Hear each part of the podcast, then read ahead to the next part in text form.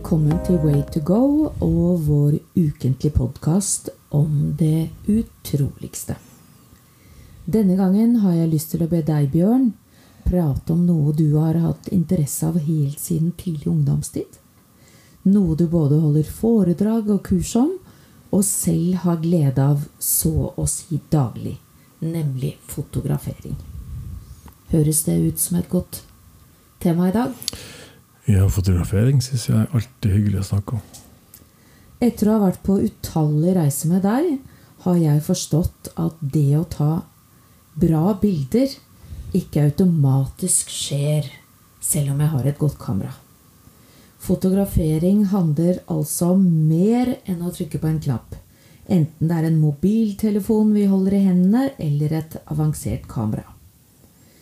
Siden du har holdt flere fotokurs både i inn- og utland, og videreformidlet nyttig fototips, så tenkte jeg nå at du skulle dele noen av de med oss. Og kanskje mest rettet mot hobbyfotografen og glade amatører, sånn som meg og andre der ute. Mhm. Så hva er ditt fremste tips, om vi starter der? Ja, altså Min tilnærming til fotografiet er, er jo på en måte ligger på gatefotografiets premisser. Eh, og det det betyr, er egentlig å møte folk der de er. Å være til stede på destinasjonen, reisemålet, i gata, eller hvor du måtte befinne deg.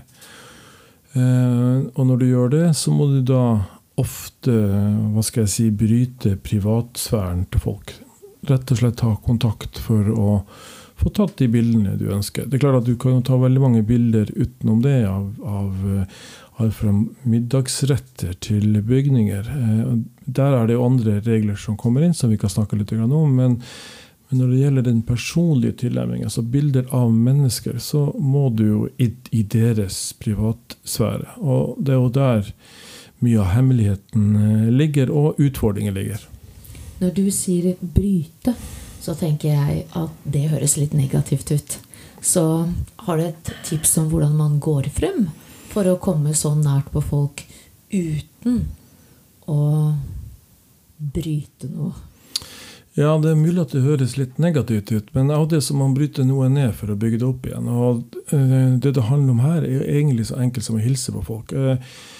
Du nevner at jeg hadde fotokurs, og noe av det jeg har faktisk gjort på disse kursene, er å gå rundt i gatene uten kamera, til å begynne med. Og fått eh, da deltakerne til å hilse på folk. Se folk i øynene og hilse. Og når du da har gjort det, så hvis du finner noen som du har lyst til å snakke med, så gjør du det. Eh, der stopper det for veldig mange av oss. Jeg vil påstå de aller fleste av oss. Så det eh, handler jo egentlig om å utfordre deg selv i forhold til andre mennesker. Spør du før du tar bilder av andre, da? Det varierer litt. Jeg påberoper meg kunstnerisk frihet når jeg tar bilder av mennesker på gata som på en måte ikke nødvendigvis er klar over det. Eh, Men når jeg tar portretter hvor jeg på en måte jobber meg litt rundt motivet for å ta, få akkurat den rette vinkelen og lys og alt slikt, så må jeg selvfølgelig eh, snakke med dem og spørre om det er greit. Jeg har jo vært på et par turer med deg hvor eh, du har opplevd at folk kommer løpende etter deg, er rasende også. Så det er ikke alle som setter pris på at du tar bilder du ikke har spurt om, i hvert fall. Nei da. Så eh, jeg skjønner jo at folk er litt reserverte på den. Men jeg har holdt på med dette her i 30 år, og eh, du har vært uheldig. Du har antagelig truffet på de to gangene det har skjedd. Eh, veldig ofte så, så skjer det motsatt, at folk faktisk blir veldig glad over å bli sett.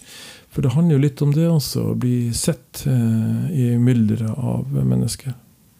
Men det, det å ta bilder handler jo om å se, ja, og våge å ta bilde av det du ser, hvis det er mennesker. Men det handler jo også om å lære å bruke kamera, utnytte vinkler, komposisjon, lys og andre kreative virkemidler. Er det noe av det du med, med enkelhet, uten at vi nødvendigvis er på kurs, kunne fortelle oss om her? Ja da, eh, det er jo ikke så vanskelig, eh, faktisk. Men jeg sier at kjøp, bruk heller penger på kunstbøker, galleribesøk enn kamerautstyr.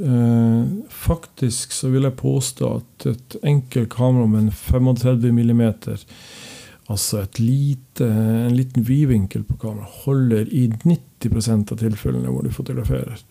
Så det er klart at uh, når du skal på sånn som safari, så, så er utstyret viktig. Da, da, må du ha uh, utstyr som holder. Men på mine kurs og seminarer så snakker jeg egentlig veldig lite om utstyr, og mer om å se hva du skal se etter. og og komposisjon det lærer du like mye ved å se, lese, altså se på kunstbøker og gå i gallerier, og, og hvordan de store kunstnerne har eh, jobbet, enn å kikke i manualen på kamera.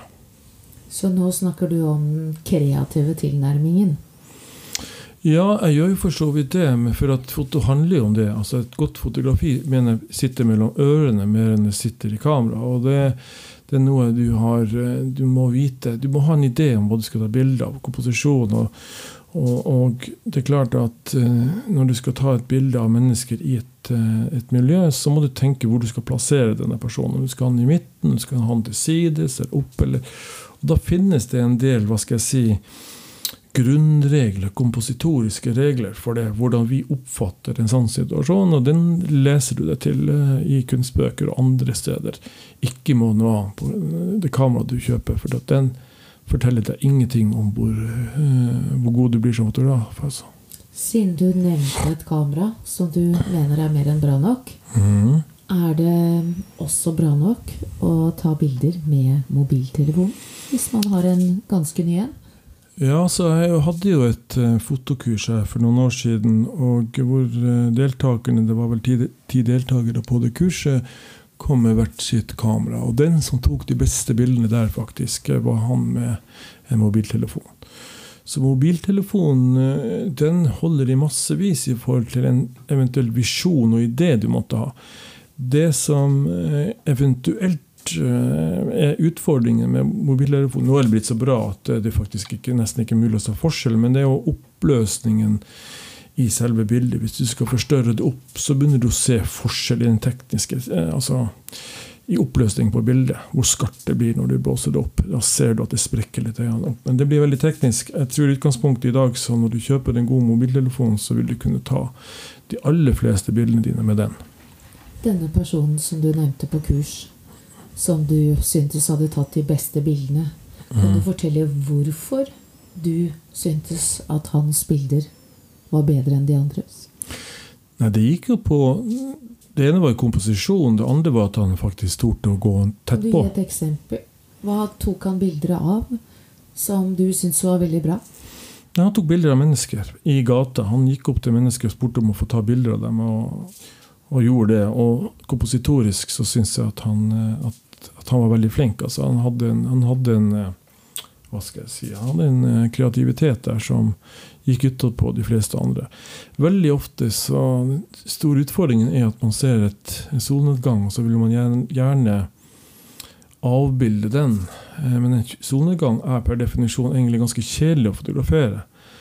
Fordi det finnes så mange av dem, og det finnes så mange andre som har tatt bilder av en solnedgang, og den er vanskelig å gjengi sånn teknisk.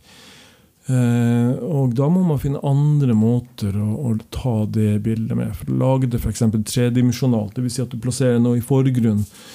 Eller prøve å få andre elementer inn som på en måte ja, viser tilstedeværelse i, det, i den avfotograferingen. Og tolke det. Det handler mer om tolkning enn det handler om avfotografering. Og det der som på en måte skiller de gode fra de mindre gode. Jeg vil ikke helt slippe den personen, jeg. Okay. Siden du nevnte han. Og eh, når du sier at han hadde vært mer kreativ, hva hadde han gjort med Hva hadde han fått til med disse menneskene? Hvordan var hans bilde, hvis du kan gå sammenligne litt, hvis du husker en av de andre? Fikk han de til å åpne seg mer? Ser du mer kontakt med øynene på de menneskene han tok? Eller var det mer at han hadde mm, fotografert dem mens de holdt på med noe, uten at de la merke til at han var der?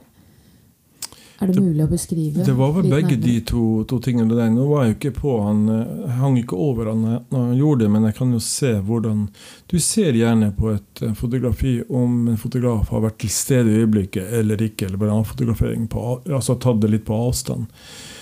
Uh, og uh, det var det han gjorde. Uh, grunnen til at han antagelig var såpass mye bedre enn de andre, var vel også det at han det fikk jeg vite i etterkant, hadde studert foto og hadde satt seg inn Ikke studerte han på skolen, men han hadde fotobøker. Han, han var veldig interessert i komposisjon, da, i den kunstneriske siden av eh, fotografiet, kan du si. Så komposisjon er noe vi bør sette oss inn i. Ja, det, det skal ligge der som en refleks mener jeg, når du fotograferer. Ja, det er jo noe, det er akkurat som en muskel. Du må, du må trene opp en muskel. Og du må trene opp øye, øye, altså musk, øyerefleksen. Ja.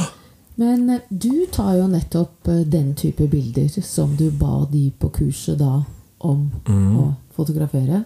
Bilder av mennesker rundt omkring i verden.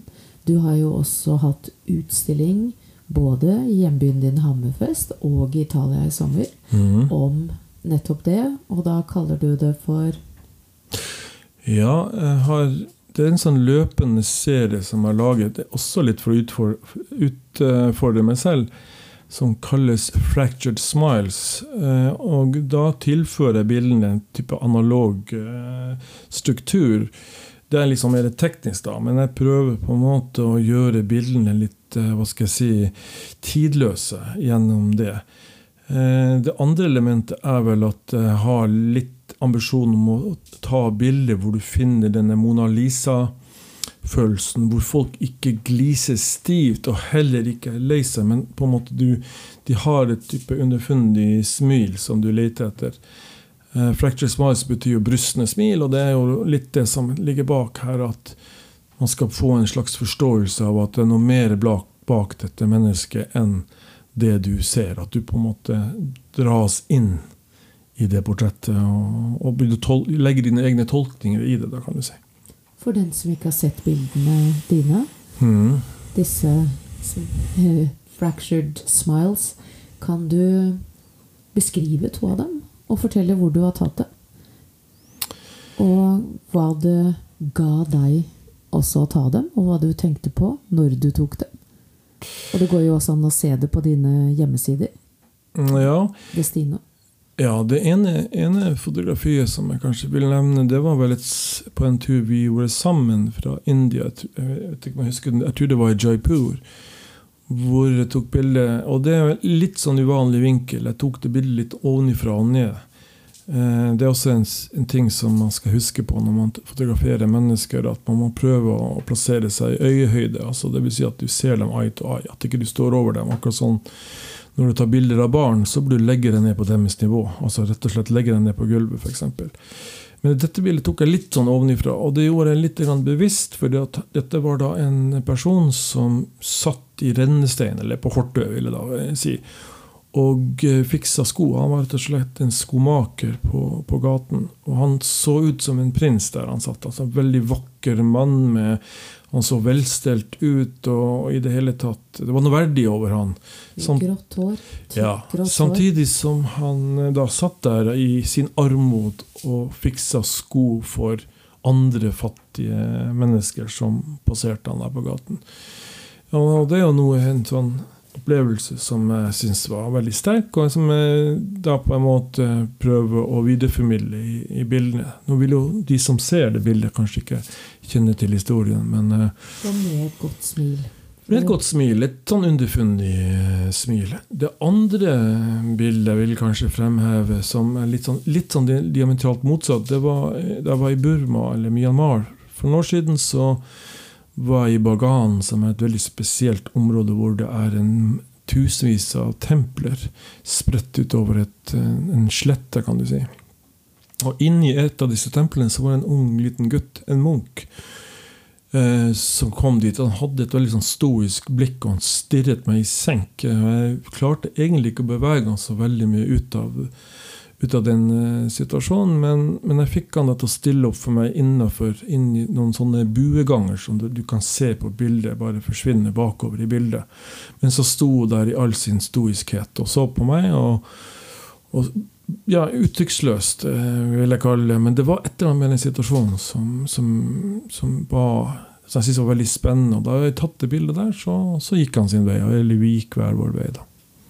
Du ga et tips om det å være i øyehøyde med den personen du tar bilder av. Mm. Det syns jeg var et veldig fint tips, for jeg kan ikke så mye om foto som det du gjør. Har du flere konkrete tips?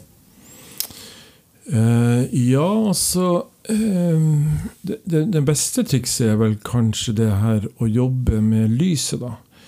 Uh, nå er det jo engang slik at jeg jobber jo med foto profesjonelt og må jo ta de bildene når, de, når tiden Altså du har en tidsramme for å ta disse bildene, og da må du bruke den tida du har.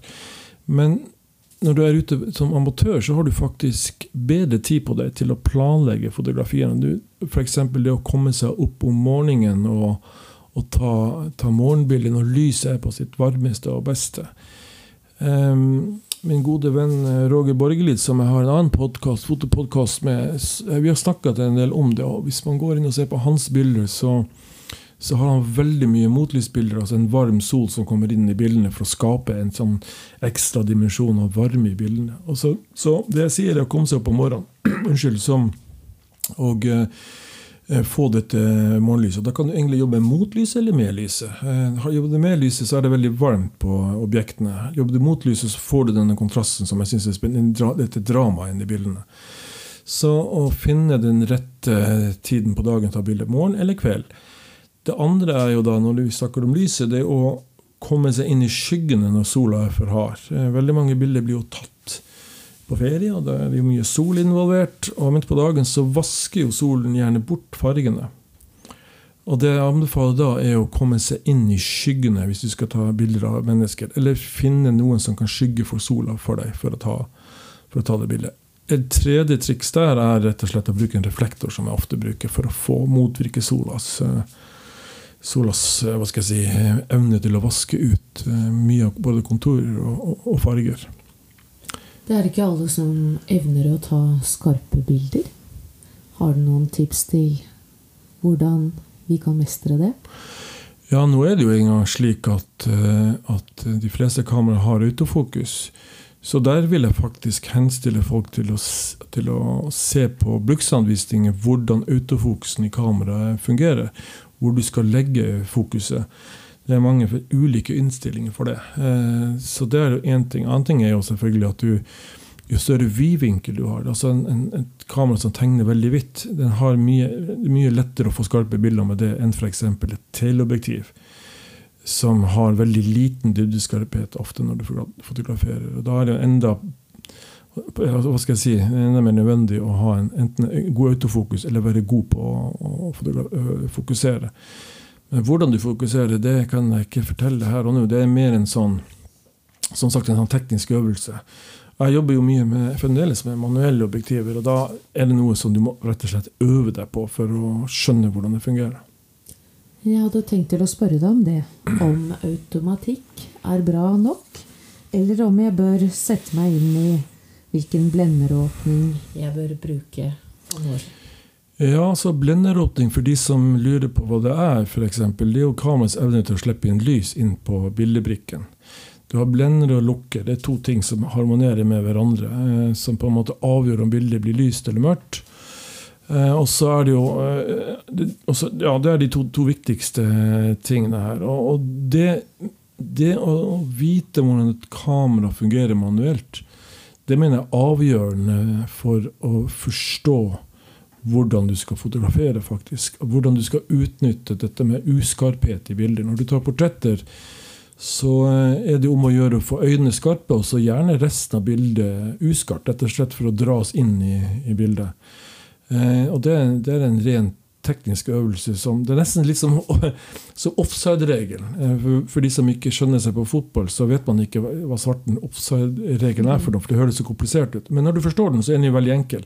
Og det, det er det samme med, med dette her, eh, med den, den, den, manuelle siden av fotografering. Du, når du først forstår det, så skjønner du hvor enkelt det er. Og da er det det som kommer til å styre hvordan du fotograferer. faktisk. Så den er veldig viktig å kunne. Du nevnte solen som både et pluss og et minus. Hvordan ta bilder uten blits hvis det er dårlig lys? Ja, altså uh, Uten Tenker du på uten blits? Hvis du ikke har blits, og det er dårlig lys? Ja, altså dårlig lys uh, Nå er det jo blitt slik på de aller fleste kameraene at toleransen for, uh, for når det er mørkt, er veldig høy. Altså, det vil si at bildebrikkens evne til å fange opp lyset er veldig god. Og da har kameraet innstilling for det, slik at du kan kompensere for det. At kameraet når det er mørkt, oppfører seg som vanlig som om det skulle være dagslys, for å si det veldig enkelt. Eh, dette er også en side ved fotograferingen som, hvis du skal, måte, skal gå utover den vanlige fotograferingen på dagtid, må sette deg litt inn i for å skjønne det. Egentlig også det er veldig enkelt. Det handler om lysømfintligheten. Altså. Og, og i, gamle I gamle tider så kaltes det for ASA. Og det, en, det, er en akronym for en, en standard for uh, lysømfintlighet på filmen. Og Den er jo da nå overført til digitale kamera. Det, det, er, det, oppstår, altså det samme skjer der eh, innenfor det, den digitale verden. At du må forstå hvordan disse ASA-verdiene fungerer. Så ja, på dagtid 90% av tilfellene hvor du fotograferer, så er det jo for så vidt lys nok. Men alle de som fotograferer med mobiltelefon, de har sikkert opplevd det når du tar bilder innendørs i litt sånn mørke situasjoner, at bildene blir veldig grumsete og grøtete når de blåser den bare litt opp. Og da snakker vi om den utfordringen som ligger i å forstå eh, hvordan denne delen av fotografiet fungerer, altså lysømfintligheten. For da får du utfordringer med hastigheten. Alt dette her henger sammen. Altså Lysømfintlighet lukker og blender.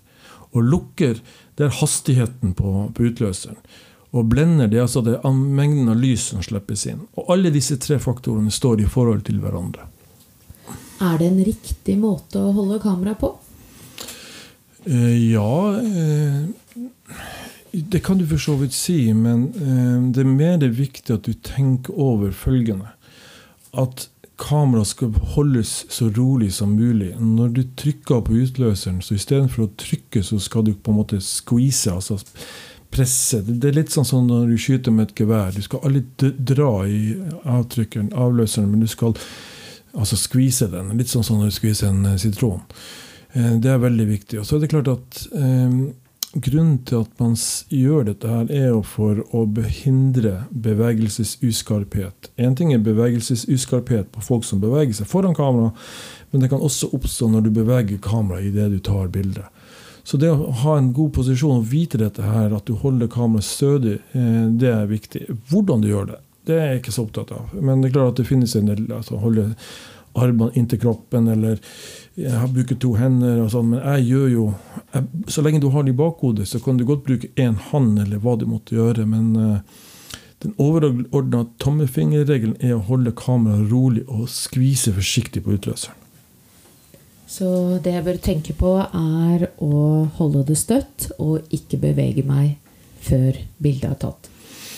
Ja, altså Ikke bevege kamera. Du må gjerne bevege deg. Du, har sikkert sett på når jeg jobber, så kan jeg godt ha kamera ut til siden, og sånt, at jeg sjøl er i bevegelse. Men at, at, du, at du, du, bruker rett og slett eh, handa som en gimbal som du har som fotografer bruker for, for å holde det i en slags sånn eh, gyrosituasjon. At kameraet hele tida er rolig, men du kan bevege deg.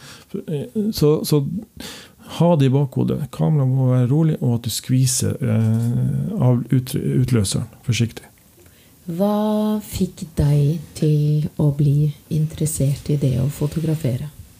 Uh, ja, det var jo faktisk et uh, litt sånn godt spørsmål. For det, jeg husker ikke helt hvordan det var. Men, men det var vel en Jeg vil alltid ha vært interessert i foto eller bilder. Eller altså den type for, former for kommunikasjon. Og så var det vel en god venn av meg som foreslo at kanskje vi skal begynne med det, Bjørn, for å være litt sånn kule. Eller, jeg husker ikke helt det der, men vi syntes jo den gangen det var litt stilig med, med foto. Uh, og, uh, og, så kjøpte vi oss hvert vårt uh, kamera, og så fenga det meg veldig. Og det var faktisk, vil jeg påstå, inngangen til journalistikken for meg. Det kom via kamera. at jeg skjønte at jeg kunne bruke fotografi eller kamera i journalistikken i, den lokale, i lokalavisa.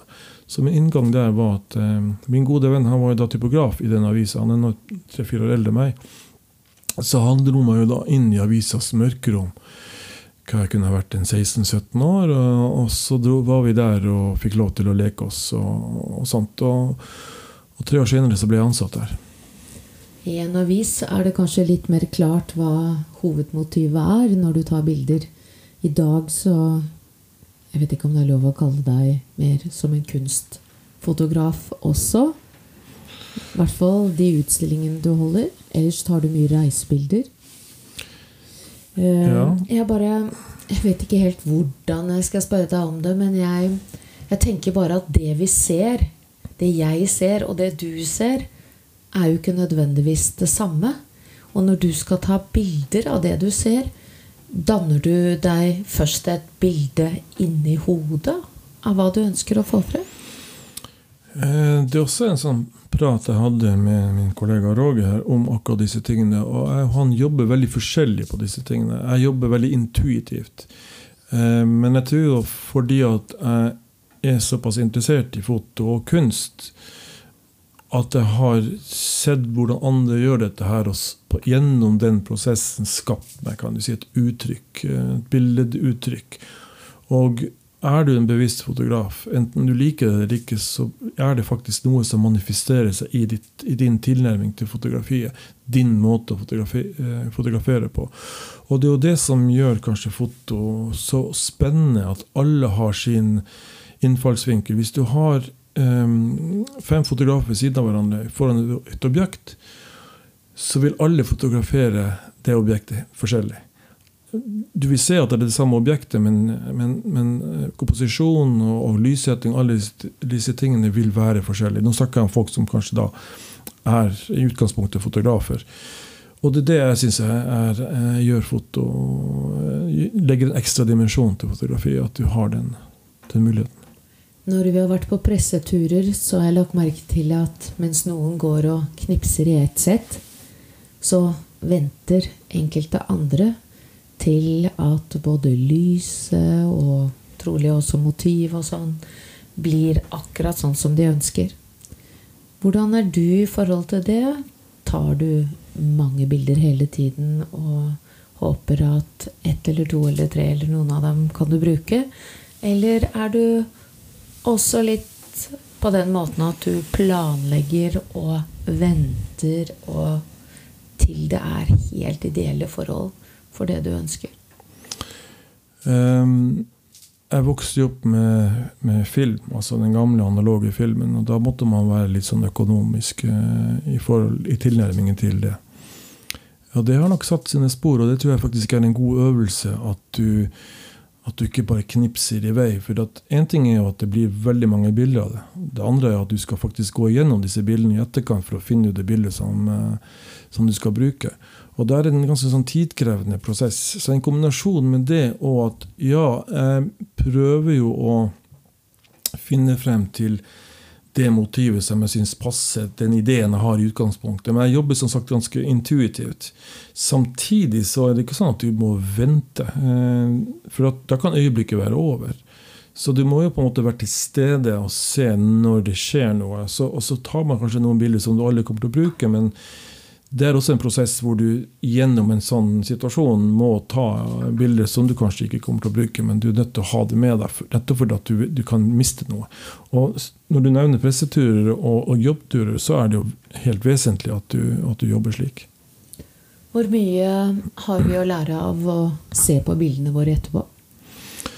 Og det mener jo alfa og omega, eh, å gå gjennom sin egen portfolio og se på eh, hvordan du har tatt eh, bildene. For meg så kan det ofte være en sånn pine og en plage å gå gjennom, for at noen ganger så føler jeg at ja, denne gangen så fikk jeg ikke til å fungere. Og så, men du må gå gjennom den prosessen, så viser det kanskje at selv på en dårlig dag så er det alltid bilder der du kan jobbe med. For at fremdeles så bruker jeg jo mørkerommet. Du kommer hjem for å se gjennom bildene og justere bildene i et bildebehandlingsprogram.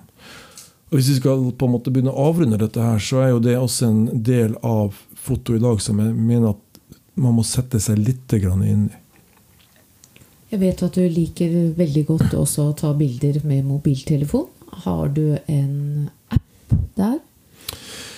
Ja, altså det finnes en rekke apper for det. Eh, min favoritt eh, har vært hele tiden siden jeg begynte med Instagram, er jo en, en app som heter Snapseed, som er veldig enkel å bruke. Eh, og som er for så vidt et bildebehandlingsprogram, men som, som, gjør det enkelt. Du har jo Photoshop har jo også en sånn egen app.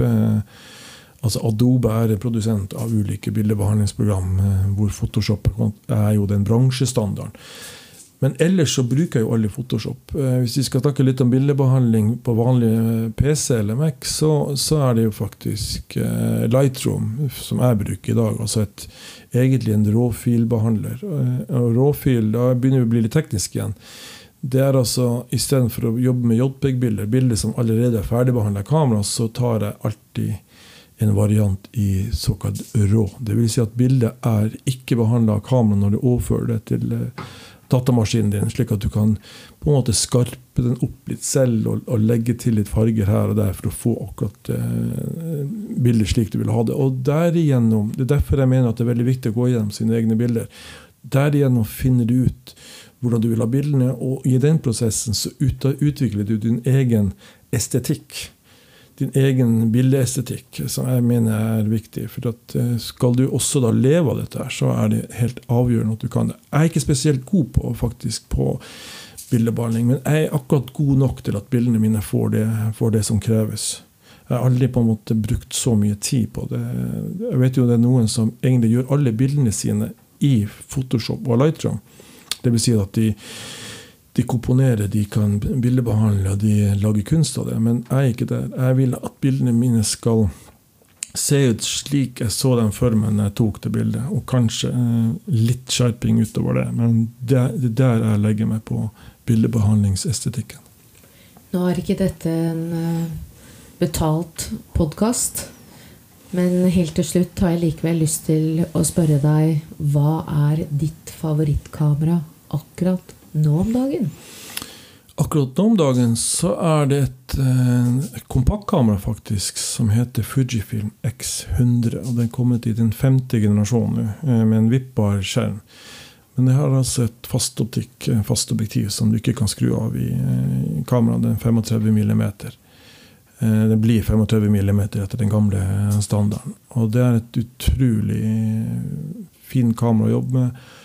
Og jeg sier jo til mine Nei, fordi at um, det er faktisk et kamera jeg tar med meg. Og det er også noe jeg foreleser om, at det beste kameraet du har, det er det du tar med deg. For at ofte så er det slik at man kjøper store kamerasystemer, og så drar man ut på tur, og så gidder man ikke å ta med seg alt det kamerastyret.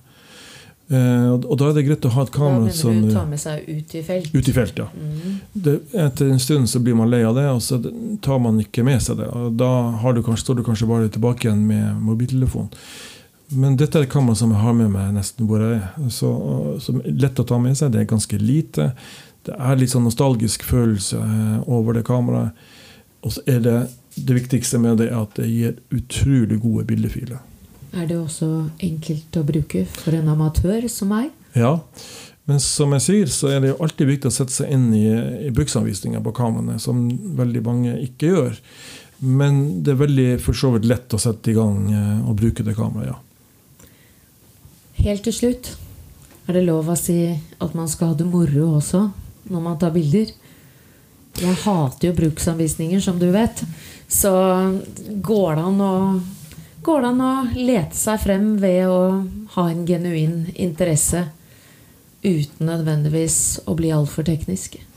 Ja, eh, det gjør det. Og jeg, nå sier jeg ikke at du skal nilese på uh, i manualen, men, men, for å få de bildene som du ønsker, F.eks. det du spør om portretter, at eh, hvordan får jeg til de portrettene, så må du vite hvordan du tar det, det bildet. Og det handler om da hvordan settingen på, på kameraet er. Så det må du faktisk eh, gjøre, men det tar jo ikke all verdens med tid. Ja, og så må du da prøve og feile, rett og slett, eh, med det. Men det er klart at du kan bruke kjøre program. Men eh, så er det jo da eh, Den siste lille clouet her er at hvis du kjører program, så har du faktisk en måte å overstyre programmet på på de fleste kamera. Som jeg kaller eh, G-punktet på kamera.